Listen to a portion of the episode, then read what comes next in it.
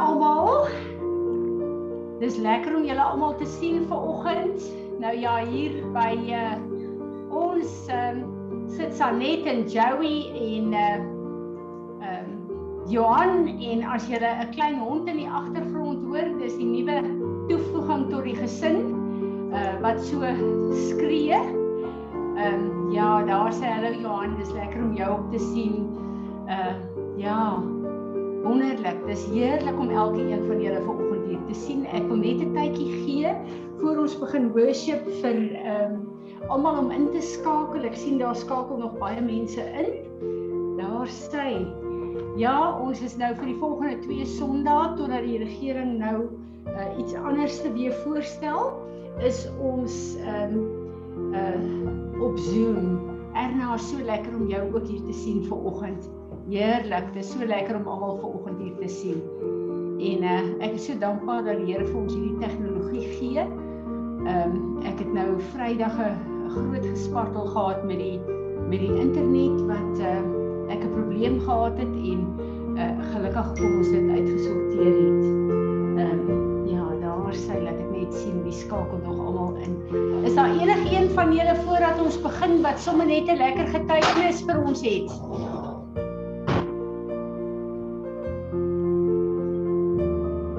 As jy 'n getuienis het, maak oop julle julle mute en dan kan julle sommer met ons deel.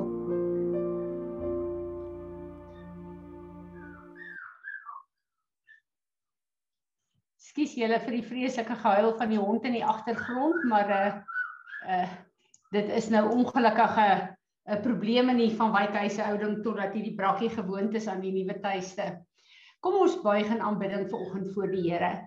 Vader, Here Jesus en Heilige Gees van God, dankie dat ons net kan stil word voor U vanoggend. Dankie dat ons elkeen kan kom buig in aanbidding, dat ons weet ons aanbid die Skepper God van die hemel en die aarde. Here, en dankie dat ons weet ons as mense het nooit genoeg woorde uh om oor en oor U grootheid en U lof te besing nie, Here, maar dankie dat ons wel die vermoë het om uh uh as 'n eenheid bymekaar te kom vir oggend Here as 'n weermag. En ons wil kom vra Heilige Gees van God selfs al is ons nie almal in een vertrek bymekaar nie laat U kan beweeg en werk soos wat U wil. En ons wil sê Here dat uh, ons wil op hierdie nuwe plek wat U ons kom plaas het u gawes en u vloei. Ons wil dit kom embrace en ons wil u so verwelkom, Here. Ons wil sê u kan doen net wat u wil, Here. Ek bid dat u ons sensitief sal maak, dat u ons op 'n nuwe plek sal bring om uh u uh, leiding te volg in alles wat ons doen. En Here, dankie dat ons weet hierdie is ook 'n plek waar U U liggaam bymekaar roep, Here, waar daar sekere dinge is wat ons moet repent en Here, as ons repent, weet ons dat ons maak die altaar skoon sodat U vuur weer nuut kan val. So ek bid Here dat U ons op 'n plek van repentance sal hou en dat U al hoe meer en meer vir ons 'n openbaring sal gee van hierdie uh belangrike uh deel van aanbidding met U Here en laat ons uh uh, namens onsself maar ook namens die liggaam uh, op 'n humble plek sal bly, gebroke sal bly, Here, om uh, vergifnis te vra waar dit nodig is. En ek bid Vader, laat U sal kom deur Heilige Gees en ons nie net was ver oggend met die woord nie, maar dat U ons sal kom bemoedig, dat U ons sal kom dissiplineer, dat U vir ons correction sal bring waar dit nodig is, Here, dat U ons sal tug as dit nodig is. En Here, dat U ons op 'n plek sal bring waar ons uh instrumente kan wees in in u hand om te doen wat u ons geroep het om te doen. En Here, daar is soveel dinge wat aangaan in die wêreld. Daar is soveel mense wat geliefdes verloor in hierdie tyd. Daar is soveel traumatiese ervarings, Here, ehm um, dat ek weet sonder u kan ons nie deur hierdie tyd gaan nie. So Vader, ek wil veral kom die families wat betrokke is by ons ook ehm um, wat geliefdes verloor het, Here. Ek dink aan LJ wat gesê het Pastor Rudy en sy suster wat in 1 week dood is. Ehm um, Here, ek dink aan aan eh uh, Philip en Karlien se se ma wat wat gister dood is. Ehm um, ag Vader, ons wil net al hierdie families voor U bring en ons wil vra dat U asseblief die werk wat U begin om ons te vertroos dat U asseblief dit sal uh, volbring en dat U die mense deur die rouprosesse vat wat nodig is. Maar Here, ek bid dat U vir ons as U liggaam op 'n plek sal bring, Here, waar ons sal hoor wat is op U hart, dat ons nie selfgesentreerd sal wees en net bid vir ons en ons gemeente en vir uh, ons families nie, maar dat U ons kan gebruik, Here, om uh, U mondstuk te wees en om te bid wat op U hart is. So ek wil vra Heilige Gees dat U ons harte letterlik sal kom breek sodat ons op die plek kan kom waar Vader ons wil hê met die goed wat sy hart breek en dat ons waaragtig 'n betroubare liggaam sal wees wat hy kan gebruik tot sy eer op aarde. Ek wil hierdie hele tyd aan U kom toevertrou en ek wil vra Heilige Gees dat U ons sal lei en dat uh, ons in hierdie dag sal antwoord op die begeerte wat in u hart is vir dit wat ons vanoggend hier bymekaar bring. Here Jesus, ons gee aan u die lof en die eer en die aanbidding. Amen. Amen. Marinus, is jy gereed met worship? Kom ons gaan in 'n tyd van worship in en ons verheerlik sy naam en ons bring die lof en die eer en die aanbidding wat hom toekom. Goed, dit is 'n jammerte, maar ehm um, dankie vir daai eerste liedjie uh Marinus, dit was my regtig baie uh uh bemoedigend geweest en ek kon regtig paar net voel dat uh ons in die gees 'n verklaring maak dat uh die die Here, the Lord uh, uh fights the battle for us. En dis 'n skrif wat die Here ook die hele week op my hart gelê het. Ek het gebid vir iemand en die Here het vir my daai skrif gegee in 1 uh, Exodus 1 vers 14 ook waar die Here sê staan langs my en kyk hoe ek hierdie gevegte oorwin. Baie keer is daar plekke waar ons sekere goed moet doen, maar daar's sekere plekke waar ek en jy net letterlik moet ehm um, uh in die Here se teenwoordigheid ingaan en uh toelaat dat hy doen wat hy uh, wil doen en dat hy ons beskerm uh soos wat hy verklaar met die verbond wat ons elkeen uh in die Here uh is. Ek wil hê ons moet bid dat ons bid en dan gaan ons na die woord toe vir oggend. Uh vir oggend. Ehm um, ek wil vir ehm um, uh, uh Natasha vra. Natasha, sal jy vir ons asseblief vir Amerika bid?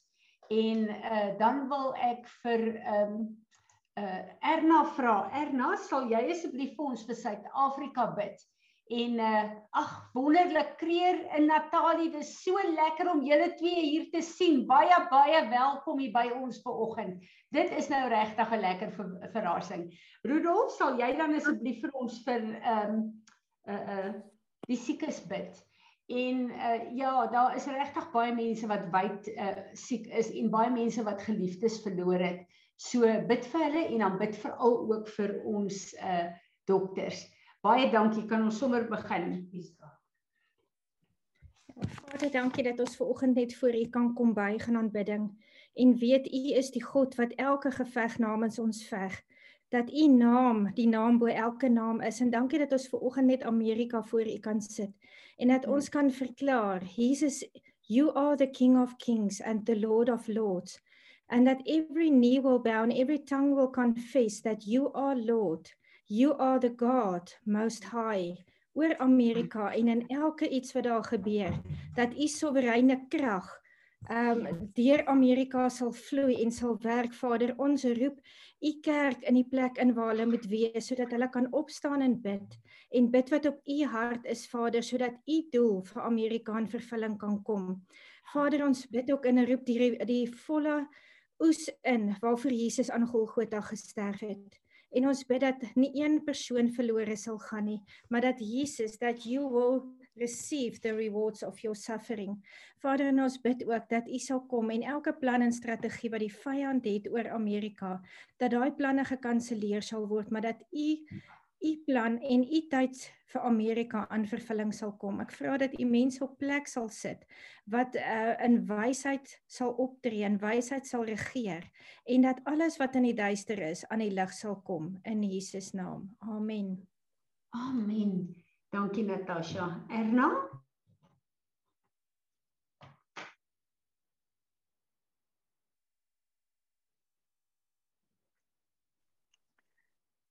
Ja Vader, ons kom vanmôre en ons wil Suid-Afrika voor U kom oplig. Vader, ek wil kom vra dat u perfekte plan vir hierdie land um in werking sal tree. Vader, ek kom teen elke negatiewe uitspraak, elke elke plan van die vyand om hierdie land se profetiese um destiny te kelder. Ons kom teen dit in die naam van Jesus. Amen. En ek vra vanmôre dat ons wil saam staan in die gees en ons vir hierdie land voor voor U oplig en ons kom vra Here dat sy haar profetiese roeping sal uitleef. Amen. Here dat ehm um, soos daai lied van ehm um, uh Gwen Shaw is um, that she will not uh be ashamed Vader ja. dat ons wanneer ons voor U verskyn. Ja. Here, ek kom bid vir die kerk om ek kom bid vir die kerk om om om ware gebede te bid eh, en hmm. nie witchcraft gebede te bid nie. Vader, ek hmm. kom maak elke opinie en en mm-hmm. stem stil wat nie van u is nie wat uitgaan en ja. uitgespreek word in hierdie tyd in hierdie situasie ja. in Suid-Afrika. Vader, ek glo dis 'n Kairos tyd en ek kom vra dat u ons sal kom help um, deur deur u engele en deur um, woorde en drome en, en mense op te rig om in hierdie tyd die mm-hmm. regte woorde te spreek en die regte gebede te doen. Here, ons lig u woord op oor Suid-Afrika. Here, ons kom bid spesifiek vir die president. Um, ons kom bid vir die regstelsel. Ons kom bid vir elke persoon wat in 'n posisie van autoriteit is. Ons vra u beskerming oor hulle. Here, en ons kom vra vandag, wil u ons land kom doop in u bloed, Here. Wil u ons kom deurdrink en ons kom toemaak met die bloed van Jesus Christus en laat u woorde uitgespreek word vandag oor ons land. Ons spreek u woorde uit oor Suid-Afrika in die naam van Jesus. Amen. Amen. Dankie Erna. Uh Rudolf, dankie en dan wil ek vra Andrei dat jy na Rudolf vir Israel vir ons sal bid. Dankie. Môre julle almal. Môre. Dankie liefie Here vir hierdie wonderlike dag wat U vir ons gee. Here, dankie dat ons vanoggend kan opstaan en dat ons die son kan sien, Here, en dat ons kan voel dat U nog altyd met ons is. Ag Here, ek wil vir U vra sal U asseblief Ja, elke persoon. Here wat siek is, kyk na elke liewe persoon wat siek is. Here, as 'n mens kyk hoeveel mense tans siek word, Here, dan gaan dit eintlik ontstaan te bowe, Here, dat ons nie dit kan verstaan nie, Here, maar U weet hoe om hierdie goeie te hanteer en U weet om hierdie goeders weer in lyn te kry. Here, ek wil vir U vra vir elke persoon by ons en nie net by ons nie, Here, in ons dorp, mense wat naby ons is. Here, wil ek op dra hier plek hoe vir van hier is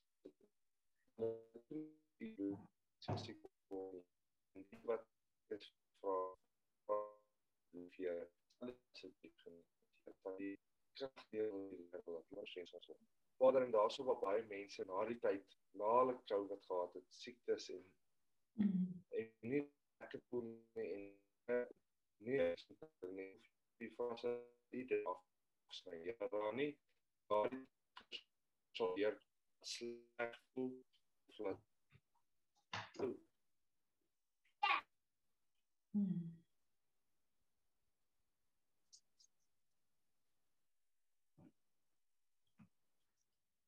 Lyk my ons het Rudolf verloor. Andrei, kan jy aangaan met Israel asseblief? Uh ja, Vader in die naam van Jesus, ons bring vir Israel net toe, Vader. Ons sal bid vir die mandaat wat U vir die mense van Israel het in daai tyd en Vader, ons vra regtig vir die siele van die mense om gered te word. Vader, ek weet ehm um, is heeltyd 'n onstuimigheid daar, Vader, heeltyd moeilikheid daarso. Um en Vader, dis die fokus van die wêreld is daar en as baie faksies en almal beklei, maar Vader, ek bid dat U sal ingryp daarso en mense begin persoonlik aanraak, Vader. Ek Vader, ek bid net vir die uh Israeliete nie, Vader, ek bid vir die Palestynë, uit die Arabiere, Vader, ek bid vir uh al die uh mense van al die ander lande wat ook daar is, Vader. Uh Vader, ek ek bid ek roep U aan vir die siele van mense, Vader, dat hulle regtig vir Jesus sal sien. Vader, dat hulle nie net sal wag tot uh, Jesus terugkom en dan ons nie, Vader, maar ek bid 'n vlaag van repentance deur mense se harte. Vader, U weet die probleme wat daar is tussen die Palestynë en Israel is omdat hulle nie lief is vir mekaar nie, Vader. Ja. En selfs die uh, geredde mense hulle is so ingetrek in die faksies van die die principalities en die goeders Vader dat hulle nie meer mense sien nie, hulle sien net opponente. Vader, ek bid dat u mense se harte sal aanraak dat hulle sal want dit gaan nie eers oor vrede daar nie Vader. Ek bid vir mense se siele dat hulle gered sal word in Jesus naam. Um, Vader, al die mense wat ek persoonlik mee kontak gehad het daar Vader, ek bid vir hulle siele Vader.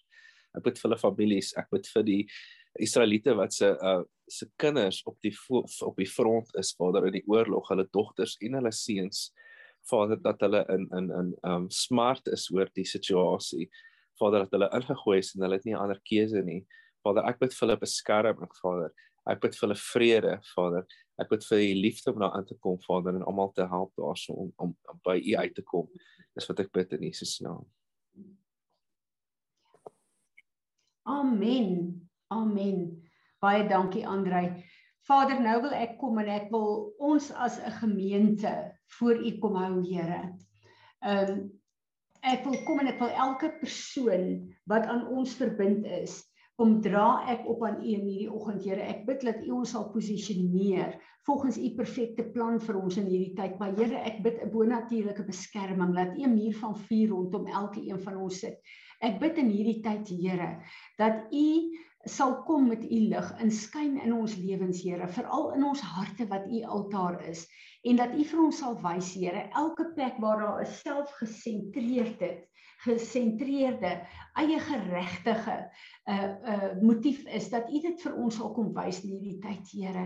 En uh, ek wil net kom en vra dat U ons as 'n gemeente sal toelaat om die destiny wat U vir ons elkeen, maar ook vir ons as 'n gemeente het, uh, in vervulling sal laat kom, Here. So ek wil bid uh, vir ons boere waar hulle uh feitelik klaar gestroop is waar hulle moet voorbereiding doen vir die lande waar uh sommige van hulle ander gewasse plant Here ek wil hulle voor u bring en ek wil vra Here dat u die een is wat saad gegee het wat groei en lewe gegee het. Dat u asseblief hulle sal seën op 'n besondere manier en dat u hulle sal ontmoet op 'n plek dat hulle presies sal weet wat is u tydsberekening vir elke plaas om te begin planteer. So ek bid vir daai spesiale voorbereiding vir elke boer. Ek bid vir elke besigheid, Here.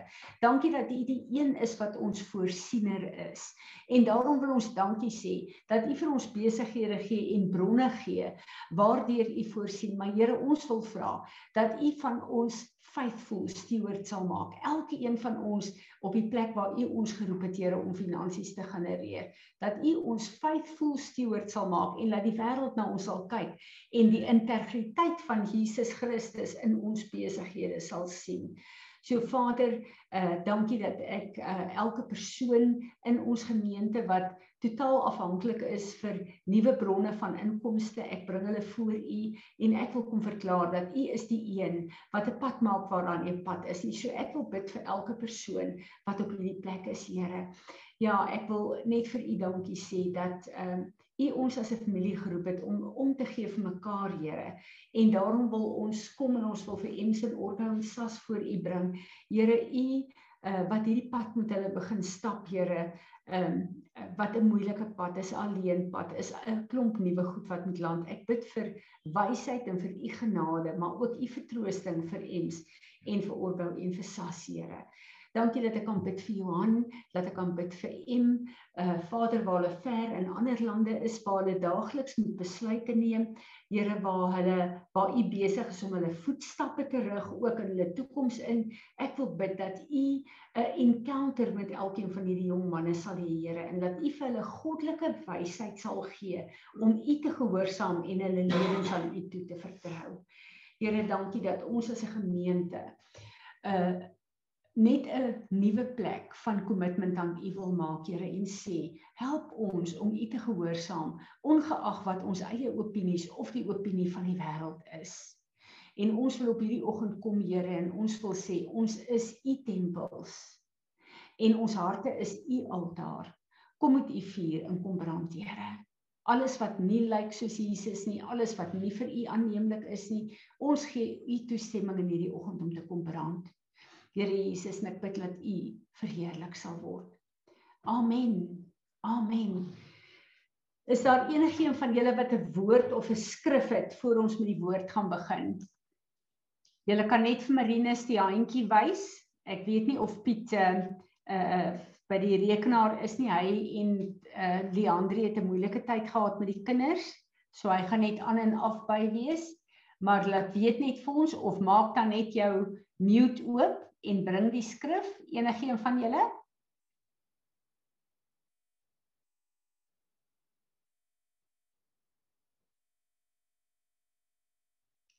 Goed. Die woord wat die Here die afgelope tyd vir my gee is 'n woord wat hy al oor en oor met ons gedeel het. Maar dis asof wat hy 'n nuwe fokus en 'n nuwe verstaan vir ons wil bring vir ons verhouding met hom. En die woord wat ek kry is die woord in Eksodus, maar ook in baie ander plekke in die in die woord waar die Here sê ek is 'n jaloerse God. En as ons kyk na daai jaloers wat hy daar sê, dan beteken dit dat as ons ons verbind het in 'n huwelikskontrak uh met hom, dan wil hy ons aandag en ons fokus en uh ons hele uh uh wandel wil ons saam met wil hy saam met hom hê, nie met afdraai paaie nie. En die afgelope tyd het ons bietjie gekyk na altaars. Nou daar ons het al soveel preke gehoor oor altaars, maar die realiteit van uh, altaar kom op 'n nuwe manier na my toe. Ek lees vir ons Levitikus um, 6 vers 12 tot 13.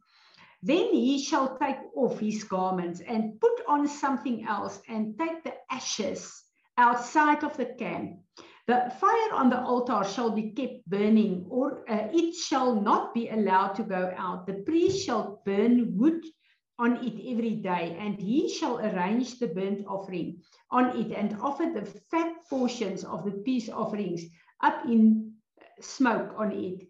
The fire shall be burning continually on the altar. It shall not be allowed to go out. Nou as ons nou kyk na die voorbeeld wat die Here vir ons gegee het hier in die Ou Testament. Dis interessant as jy kyk na die woord altaar. Die woord altaar kom 400 keer in die Bybel. Uh, na vore. Wat vir ons sê hierdie is 'n baie baie belangrike uh konsep wat die Here hier vir ons gee. En dan baie interessant as 'n mens kyk na wat is 'n altaar. Die Here het gekom en hy het uh, nadat Adam en, en en Eva die uh, verbintenis en die uh, wandel hulle verhouding met God verbreek het, het die kontak tussen God en mens gebreek. En God het 'n altaar, 'n voorbeeld van 'n altaar gegee en uh, mense kon kon 'n uh, uh, diere offer op hierdie altaar om kontak te maak met God. So 'n uh, onskuldige lewe uh, het betaal vir kontak met God. En God het baie spesifiek uh, vir Moses uh, beveel hoe om die altaar te bou.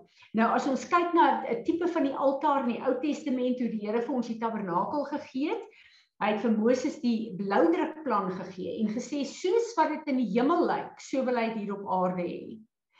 Want dit is die plek waar God kontak gaan maak met die mense, waar ons weer God se stem kan hoor in die Ou Testament.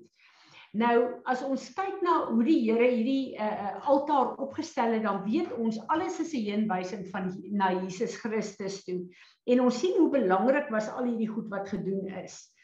Maar na die die uh uh tabernakel, uh as ons kyk in in ehm um, Abraham se tyd in uh die rigter se tyd in uh, as ons kyk na na die die uh, Israeliete uh, ek bedoel die rigters na Joshua se tyd as ons kyk na na hulle die beloofde land ingeneem het was daar die tabernakel uh, is in uh, uh, Jerusalem. Maar elke persoon het sy eie altaar gehad wat hy kontak met God gebring het want God het gesê die vuur mag nooit uitgaan nie Wat is die vuur? Dis baie baie interessant dat ons kyk na uh God kom en sê boue altaar, dan kom hy en sê sit hout op hierdie altaar. En dan as jy gaan kyk na die skrifte in die Ou Testament, ehm um, uh uh veral die uh, Levitikus 9 vers 24, ons moet die altaar bou, maar dis God wat die altaar in die brand gesteek het. Die vuur het nie van die mens af gekom nie. Die vuur het van God afgekom. Dis interessant. So ek en jy uh, berei die altaar voor. Uh wat is ons altaar vandag? Ons altaar, ons het 'n tempel wat ons liggame is. Ons ken die skrif en dan kom die Here en hy sê ons hart is sy altaar. Nou ek en jy moet hierdie tempel en hierdie hart voorberei vir God om die vuur in die brand te steek. En as ons kyk na hoe God die Ou Testament die mense geleer het om dit te doen, dan kyk ons na die Nuwe Testament vandag. Uh ek wil heel eers net raak aan Abraham toe hy vir Isak gaan offer het. Dis baie baie interessant as ons kyk dat die hout, daar kan nie 'n altaar of vuur wees as daar nie hout is nie. Wat verteenwoordig die hout? Die kruis van Jesus want Jesus is op 'n kruishout gekruisig. En dis interessant as ons kyk na wat die rabbi sê, hulle sê dat die altaar wat Abraham gebou het waarop Isak moes klim, die hout was in die vorm van 'n kruis gepak gewees. Want dit was die profetiese aksie van die kruis van Jesus Christus. So hierdie hout is die voorbereiding wat ek en jy moet doen Hout is die verganklike, hout verteenwoordig die ons menswees. So ons as mense moet letterlik die altaar voorberei vir God om sy vuur te stuur. En dan kom ons as 'n Nuwe Testamentiese kerk en ons kom baie keer met 'n uh, so verwagting en 'n afwagting om by mekaar te kom uh in ons kerkaltaar, ons PDS altaar, waar ons God ontmoet wat 'n awesome awesome plek is soos waar ons vanoggend by mekaar kom. Maar hoe lyk ons persoonlike altare? As ek en jy se persoonlike altaar nie op 'n plek is waar God vuur kan stuur nie. Hoe kan hy vuur stuur in ons corporate altaar as ons as PDS by mekaar kom? Nou kyk ons na hierdie hele ding van die van die hout waar die Here kom en sê dat die hout moet in 'n uh, eers uh, in 'n sekere formasie gepak word en dan eers kan die offer op die hout gaan. Nou as ons kyk na Romeine 12 vers 1, ons is die Nuwe Testamentiese kerk.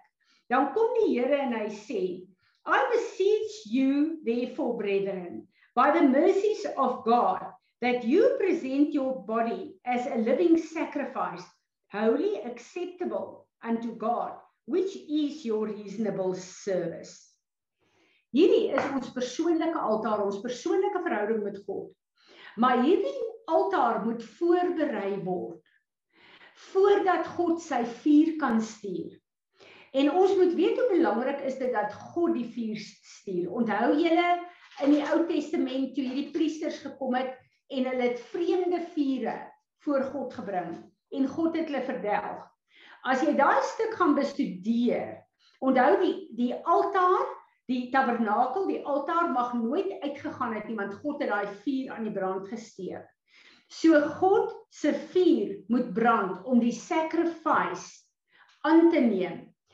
Daar staan in die Ou Testament dat hierdie priesters het gekom en hulle het kole van hulle eie altare afgevat. So het vreemde vure. God het gesê dis vreemde vure en hy het dit verag en hy het dit verwerp en hy judgment daaroor gebring. Ons moet seker maak dat die God wat ons dien is 'n verterende vuur. Waar ek en jy na hom toe nader, moet ons weet, ons het met 'n vuur te doen. Die vuur van God kan my en jou nie vernietig nie. Dit heilig en dit reinig ons as ons onsself reg voorberei voor die Here.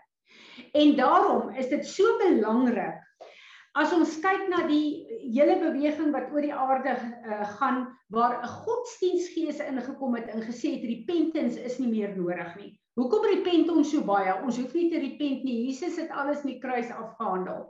Dis 'n godsdienstgees. Die Here leer vir ons van die Ou Testament, baie skrifte in die Nuwe Testament in Filippense 2 vers uh, uh, 12 en 13.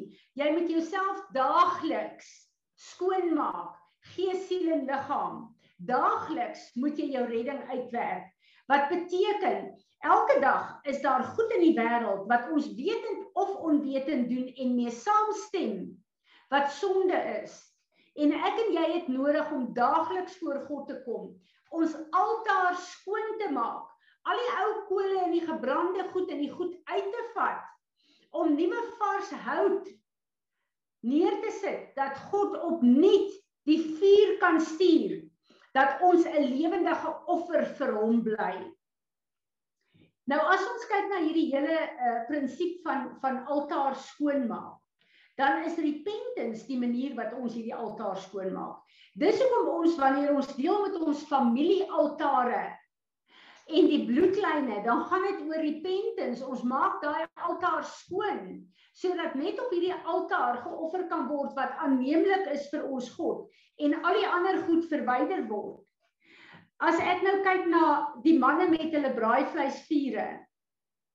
Daar's nie een man wat bo op ou as en goed gaan vuur maak om vleis te braai nie. Jy maak eers daai altaar van jou skoon. Jy sit vars hout op. Jy maak 'n vars vuur om vleis te braai. En hoekom dink ons dat God se altaar wat ook 'n vuur is wat ons opsit as 'n offer vir hom. Want weet julle die woord sê dat God eet die sacrifice. Dis vir hom aanneemlik. Verwag ons dan dat ons op 'n vuil te mekaar altaar van ou asse vir God 'n offer moet wees? Nee.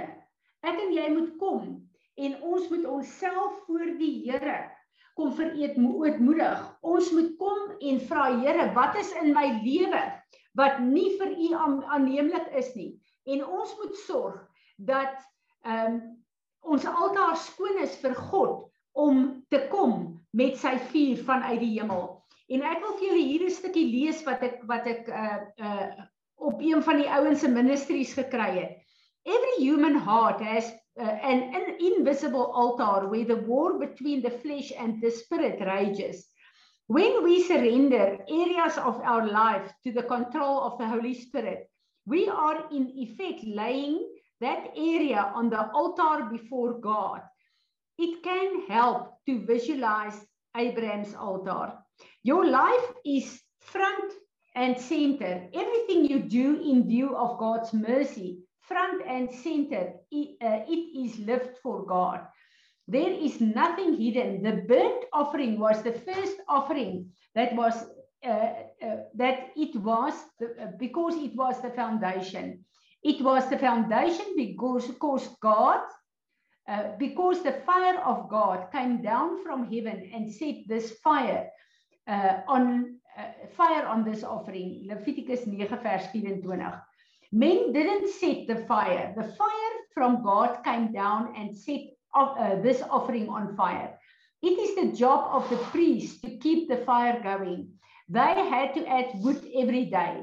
They had to bring that un unblemished lamb to put it on the altar every single day. But the fire originated with God. It was the basis for every single offering. The fire that God set on his, this offering became the seed for every other offering to be ignited. In other words, when they needed the fire for the coals of the altar of incense, they had to go to the altar of sacrifice because that is where it originated from. Is dit nie amazing nie? My en jy is jou se persoonlike altaar is eintlik wat vir ons die plek gee om in worship ons incense en ons gebed voor God aan die gang te hou. Uh dis vir my so belangrik as ons kyk na na uh uh die Here wat vir ons hierdie uh totale voorbeeld gee van hoe hierdie harte van ons moet lyk, hoe hierdie altaar van ons moet lyk. Dan kyk ons na Dawid. Nadat hy daai sonde gedoen het om Batseba se man dood te maak, het hy Psalm 51 geskryf en een van die goede wat goed wat hy geskryf het is um Psalm 51 vers 17. The sacrifices of God are a broken spirit and a broken and contrite heart. O God, you will not despise that. So ons moet weet dat jy moet jouself uh op 'n plek bring waar jy repent, waar jy gebroke voor God is, waar jy uh uh totaal jouself oorgee vir hom vir 'n uh, uh, sacrifice sodat hy sy vuur kan stuur om ehm uh, uh te brand in uh, my en jou. Wat vir my net so belangrik is is dat uh in ons fisiese lewe as ons kyk na ons hart wat nou God se altaar is. As jou hart ophou met klop, gaan ons fisies dood want die bloed hou op om te lewe. Ons lewe is in die bloed. So sonder die kontak van die bloed gaan ons uh en die vloei van die bloed gaan ons harte dood. Gaan hierdie altaar dood. Maar in die gees is dit net so.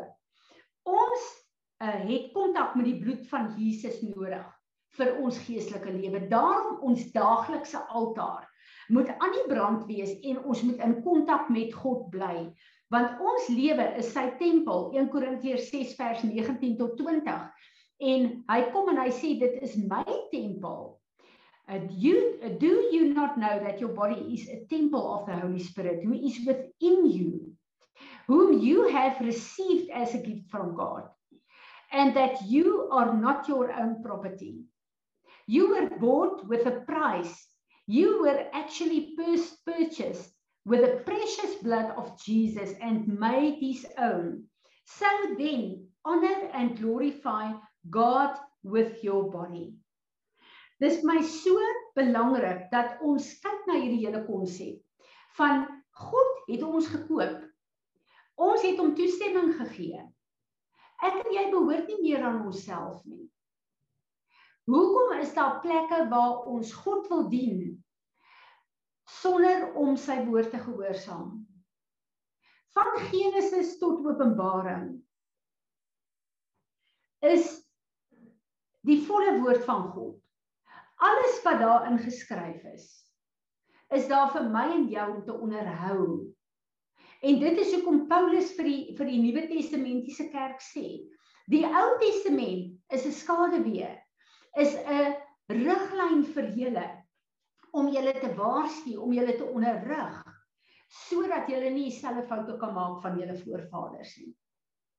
Hoekom is daar 'n plek waar ek en jy besluit ons sal besluit wat ons die woord gehoorsaam en ons sal besluit hoe ons God wil dien. Ons behoort nie aan onsself nie. Ons behoort aan God. En ons moet weet Jeremia sê dat ons hart is die mees bedrieglikste wat daar is, want dit is waar die geveg aangaan rondom die gees en die vlees. Dis die plek waar ons vir God offer. En dit is hoekom Samuel ook gesê toe hy vir Dawid moes salf, uh die Here kyk na die hart, hy kyk nie na die uiterlike nie.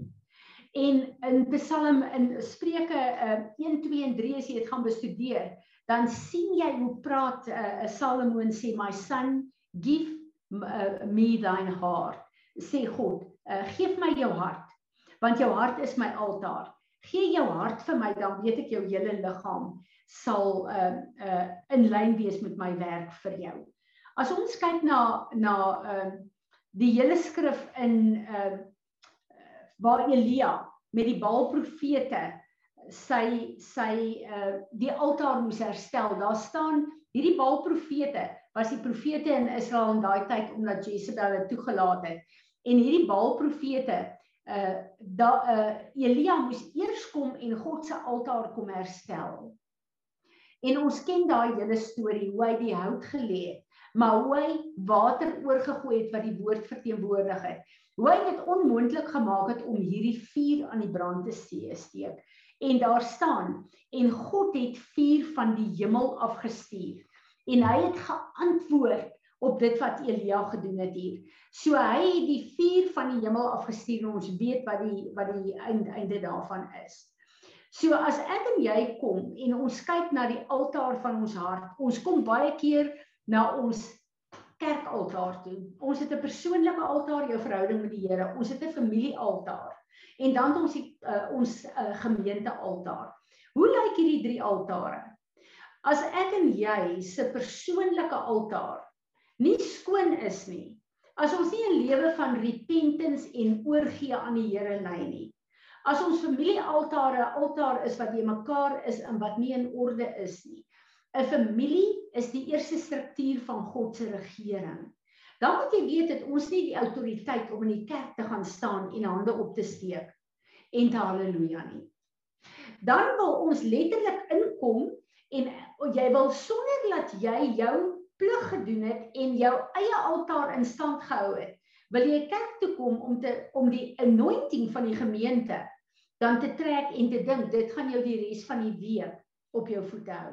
Nee. En ek wonder baie keer wat gaan gebeur as ek en jy uh op 'n Sondag by die gemeente kom, inskakel by Zoom en ons is so aan die brand vir die Here omdat hy ons aan die brand gesteek het omdat ons hom reg uh, reg benader het om ons altaar skoon te maak, die hout te lê as 'n lewende offer te gaan lê. Wat beteken dit? Hierdie uh, Romeine 12 vers 1 en 2 wat ons so maklik kwoteer. Wat beteken dit? Wat het Isak gedoen in die Ou Testament? Hulle het die altaar gebou. Hulle het die hout op die altaar gelê. Isak was 'n jong man gewees van 32, 33. Hy is die profetiese aksie van Jesus. So dis die tyd toe Jesus gekruisig is. Uh, ek dink hulle sê tussen uh, 32 en in in 35. So dit is die ouderdom wat hy was. Isak is so onderrig in persoonlike verhouding met God dat hy saam met Abraham God vertrou het dat hy kan maar op daai altaar klim. En as dit God behaag om hom dood te maak, dan is dit oukei okay vir hom is ek en jy op daai plek. As ons sê Here, hier is ek as 'n lewende offer, is ek en jy op 'n plek waar ons op daai hout sal gaan klim. Heel eerste die repentance gedoen het. En ek besef net dat die hout op die altaar en die skoonmaak van die altaar. Ek en jy, as ons nie skoon gemaak het nie, as ons nie repent het nie, as ons nie onsself gebroke voor God kom lê het nie, As ons nie geluister het na wat hy vir ons sê nie.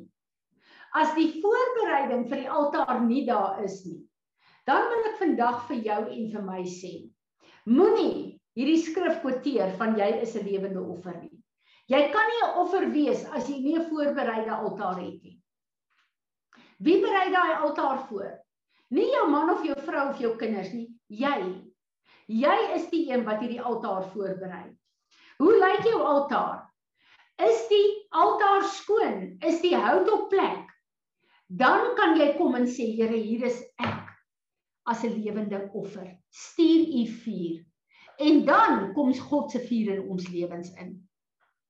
Ons is so lief om te preek en te kwoteer en sekere skrifte te te klein oor die vuur van God, die krag van God, die autoriteit van God. Maar volg ons God se protokol om by daai autoriteit uit te kom. En dit is 'n vraag vir myself. Here, sekere plekke as ek bid, voel ek kragteloos. Is dit dalk omdat my altaar nie volgens die protokol van God en nie volgens godsdiens volgens die protokol van God antwoord ek nie op die voorbereiding vir sy vuur om te val in my lewe nie. Ek bid dat die Here my en julle genadig sal wees. En ons is op 'n plek waar daar so 'n erns in die gees is oor ons verhouding met die Here. Hoe lyk ons gebedsverhouding met die Here? Hoe lyk ons persoonlike worship? Worship ons net as ons as 'n gemeente hier bymekaar is? Hoe lyk jou persoonlike worship met die Here? Bid ons net as ons as gemeente bymekaar is, hoe lyk jou persoonlike gebedsverhouding met die Here? Ek bid dat die Here elkeen van ons sal ontmoet op 'n nuwe plek waar ons hom as prioriteit in ons lewe sal plaas en waar al die ander dinge wat ons lewe so besig maak dat dit tweede sal kom maar dat die God dat die Here ons orde sal begin verander na sy orde toe sodat ons vrugbaar kan wees. Want ek besef as ek en jy in God se protokol is, dan kan sy vuur kom. En dan sal sy vuur verbrand wat nie van hom af is nie, 1 Petrus 7. Maar heilig en reinig wat van hom af is. En ek besef as ek geheilig en gereinig is, is ek 'n kragtige wapen in die hand van my God. Amen enige een van julle wat 'n woord of 'n skrif het wat julle hierby wil gee.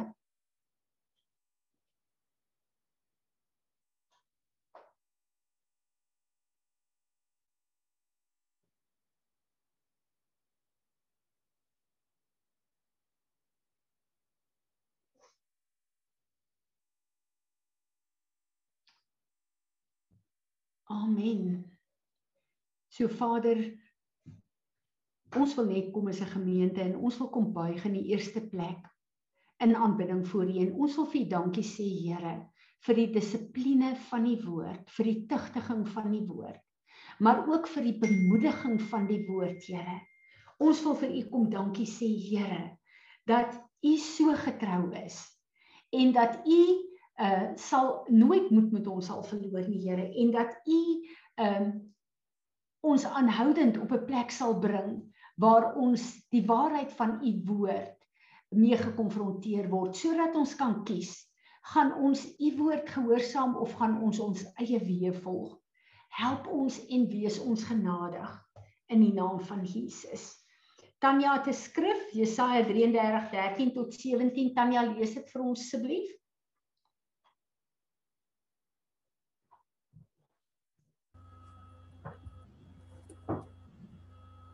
You who are far away, hear what I have done, and you who are near, acknowledge my might. The sinners in Zion are terrified and trembling as sees the godless. Who among us can live with the consuming fire? Who among us can live with everlasting burning? He who walks righteously and speaks with integrity, who rejects gain from fraud and from oppression who shakes his hand free from the taking of bribes, who stops his ears from hearing about bloodshed and shuts his mm-hmm. eyes to avoid looking upon evil. He will dwell on the heights. His place of defense mm. will be the fortress of rocks. His bread will be given him, and his water will be mm. permanent. For your mm. eyes will see the king in his beauty, and they will see a far distant land. Amen. Dankie Tanya. Nog iemand met skrif of 'n woord?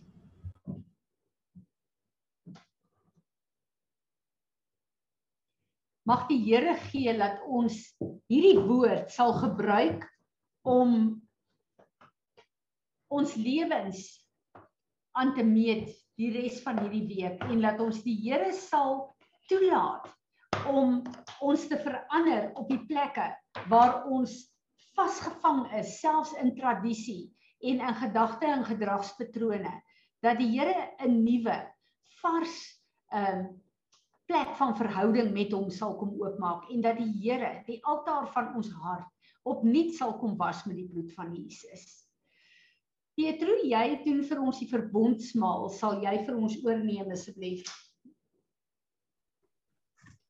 Môre Tannie, môre aan almal. Ja, baie dankie. Jy sommer gou vir ons, hoe gaan dit met jou pa voor jy doen? Tannie, dit gaan eintlik, dit gaan eintlik baie goed. Ek dink die belangrikste nou is dat sy gemoed baie positief is. Um ek het um, gister ook iewers met hom gepraat. Hy maak die hele tyd grappies, maar die realiteit op die oomblik is dat dat um daar is nog 'n mate van kanker in die in die gesig in en dat die wond nie heeltemal gesond raak nie. Maar ehm um, tannie ek moet sê dit is asof ja, my pa in baie aspekte voel ook vir my soos 'n ehm um, 'n nuwe mens. Ehm um, ek moet op in opsigte van van ehm um, persoon sy persoonlike lewe en dit ook. So daar's altyd iets positiefs en iets goeds wat uit hierdie tipe situasies ook natuurlik uitkom. So ek wil ook net baie dankie sê vir almal se gebede ook en ek self waardeer dit ook nogal baie. Ek bedoel ouers is mos maar naby aan 'n mens hart. Amen. Amen. Ja. Dankie Petro. Ja. Dankie Tannie. Um ek ek dink verstaan vir my ook spesifiek die laaste tyd um met hierdie verbondsmaal is dit vir my nie iets te mense kan skei nie want ek dink daar's so baie mense rondom 'n mens spesifiek die laaste paar weke um wat wat geliefdes afgestaan het aan die dood. So dis net ek nou heeltemal wil teruggaan aan die COVID situasie toe nie, maar ek dink in baie opsigte is dit net so dat dit soveel nader kom hierdie hele prentjie en um die wanhoop wat mense het en die droefheid wat daar is en mense se harte wat seer is en um verstaan dit is ek ek die afgelope week ook hoeveel oproepe mense gehad het en elke verskillende oproep noem hulle van bekende mense rondom jou wat wat in die dood en afgestaan is. So ek dink met die een ding vir my wat nogal uitstaan is ook dat dit voel in baie opsigte asof mense omsingel is deur die dood op die oomblik asof daar in baie aspekte hierdie gees van die dood is wat mense soms so omsingel en ek dink dit is mense nogal baie vinnig kan vasvang en en hierdie bring nogal hierdie situasies is is dit dit kan dit kan of die een situasie na vore bring of dit kan natuurlik die teenoorgestelde effek hê. En en die een is vir my dit bring mense nader. Mense natuurlik staan saam, mense al meer saam begin bid, wat al meer mekaar begin ondersteun in dit. Maar maar die ander een en dit is een wat ek voel wat nogal in baie aspekte ook nogal meer na vore kom en nie om die negatiewe aspekte noem by eerste op nou nie, maar is dat dit voel of dan mense teen mekaar begin veg Hmm. mense het mekaar begin blameer en en ook dit is vir my asof daar 'n plek van 'n divisie meer na vore kom. En net ek oor die vaksin baie wil praat nie maar as jy eintlik kyk rondom die divisie wat daar spesifiek na vore kom rondom die vaksines en um en ek ek weet paar van ons van ons vriendinne ook self wat sê nou dat die onderwysers kan vaksines kry en hulle byvoorbeeld persoonlik van opinie wat teen dit is en hoe mense hulle persoonlik begin aanval En daarbey is dit vir my dat mense se gemoedere in baie aspekte is tog op hierdie mespunt, maar dit kom vir my weer heeltemal terug na daai plek toe dat dat ons in baie aspekte mense is weer vasgevang in daai hele ding van ons daar's al hoeveel preke wat aan hulle ook al gegee het rondom vrees en die vrees wat mense het en ehm um, en dat mense omsingel voel deur hierdie dood, deur al hierdie vrees. En ek is op die oomblik by by by 2 Konings 6 en ons almal ken ook hierdie verhaal en dit is van van Elisa en ehm um, waar die Arameërs ehm um, waar die Arameërs in oorlog is met Israel en ons almal weet dat die perde in die strydwaans en ehm um, dat hulle hierdie sterk magte nou omring is en die volk is ook daarso met vrees en angs natuurlik dan nou ook om omsingel. En Ehm um, daarso as ek nou vers 15 kan lees, um, waar die slaaf van Elisa sê, "Wat gaan ons nou maak?" En dan vers 16, Elisa het geantwoord, "Moenie bang wees nie. Die wat by ons is, is meer as wat by hulle is." Elisa het gebid, "Here, maak tog sy oë oop dat hy kan sien." Die Here het die oë van die slaaf oopgemaak en hy het gesien, die berge rondom Elisa was vol pere en strydwaans van vuur.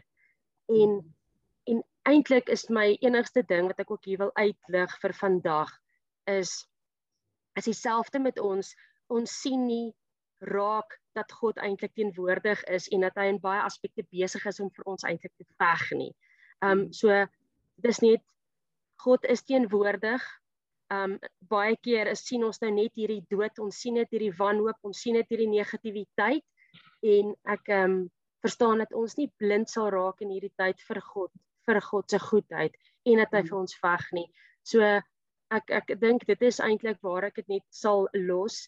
Daar is altyd die goed natuurlik rondom dit en God is in beheer. Ehm um, so tannie vir ek wil eintlik dit maar net by daai stukkie los en vir ons maar net oorgaan in 'n gebed en asseblief. Vader, Vader, hier waar ons stil raak voor U. Vader, wil ons kom sê dat U ons God is, U ons Vader is en Vader dat een beheer is. Vader, dit maak nie saak hoe die prentjie of die situasie daar buitekant lyk nie en en hoe ons soms met narrow minds of sekere oë na 'n prent kan kyk nie. Vader, dankie dat U ons God is. Dankie dat U klaar die prys betaal het. Dankie dat U klaar oorwin het, Vader God. Vader, ek bid en vra dat U bonatuurlike liefde en vrede oor elkeen van U kinders sal kom, Vader God dat U vir ons 'n rustigheid en 'n kalmte sal gee. En Vader, al kyk ons met hoe oë nou buitekant na hierdie prentjie. Vader, dat ons sal weet dat U besig is met 'n werking wat bo ons verstand is, Vader God, maar dat U besig is om alles ten goeie te laat meewerk.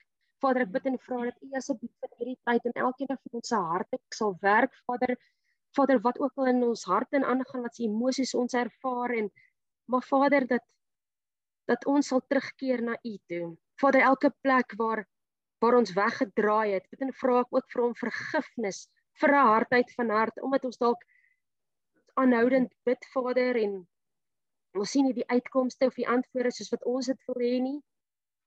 Maar Vader, dat ons net sal rustig wees met die wete dat U 'n ander plan en U 'n doel het want U is ons God, U is ons Vader en U wees bo ons weer. U U alleen Vader is die bepaler van wat ook al vorentoe gaan gebeur.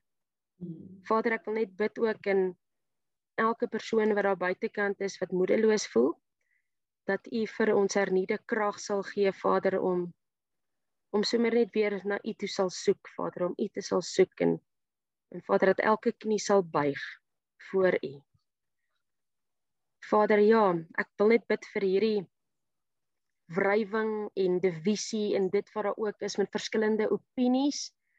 Hmm. Vader, kom bid en vra ek asseblief dat U verhoudinge nou bonatuurlik ook sal net kom restoreer, Vader, en dat U sal kom ingryp in hierdie situasie en dat ons in unity sal kom soos nooit vantevore in die Vader God. Alle planne en strategieë van die vyand dat dit sal kom stop en dat dit sal kom kanselleer, Vader God. Ek bid dit alles Vader in die kragtige naam van Jesus Christus. Alleen. Amen. Amen. Amen. Dankie Petro. Ek is bly dat jy veral gebid het oor die divisie wat daar is. Daar's soveel divisie tussen die kinders van die Here oor die verskillende goed wat aangaan en uh, dit bring ware divisie. Ehm um, en uh, ja, dis ek bly jy daaroor gebid. Baie dankie.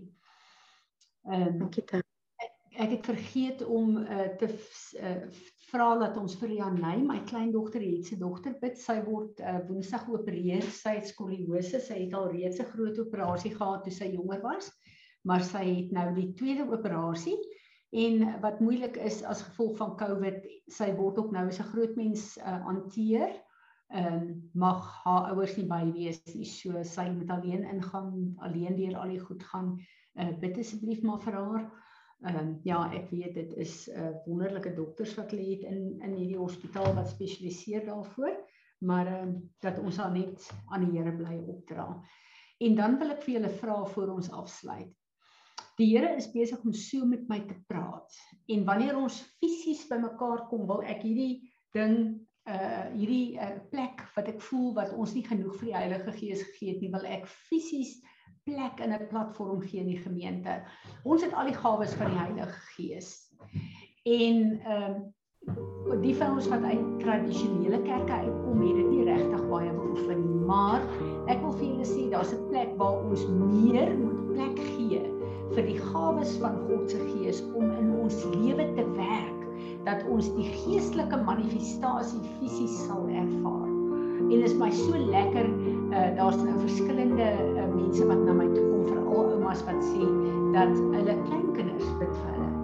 En wat 'n vreugde om te weet dat dit 'n generasie is waar die kleintjies as 'n ouma dalk geskeet het dadelik 'n uh, hande op lê en bid omdat daar vir hulle gebid word sodat die regte plek sal kom in ons almal se lewe waar Heilige Gees se krag in ons lewe gesien en ervaar sal word. Amen. Mag julle elkeen 'n wonderlike wonderlike res van die dag hê in die teenwoordigheid van ons God. En ek wil ons kom seën volgens Numeri 6. The Lord bless the Lord bless you and keep you, protect you, sustain you and guard you. The Lord make his face shine upon you with favor. Be gracious to you, surrounding you with loving kindness. The Lord lift up his countenance, his face upon you with divine approval and give you peace, a tranquil heart and life. So Aaron and his son shall put my name upon the children of Israel and I will bless them. Dankie Here dat U U seën oor elkeen van ons oprig. Amen. Amen. Mag julle 'n geseënde dag hê julle en ek sien julle volgende Sondag.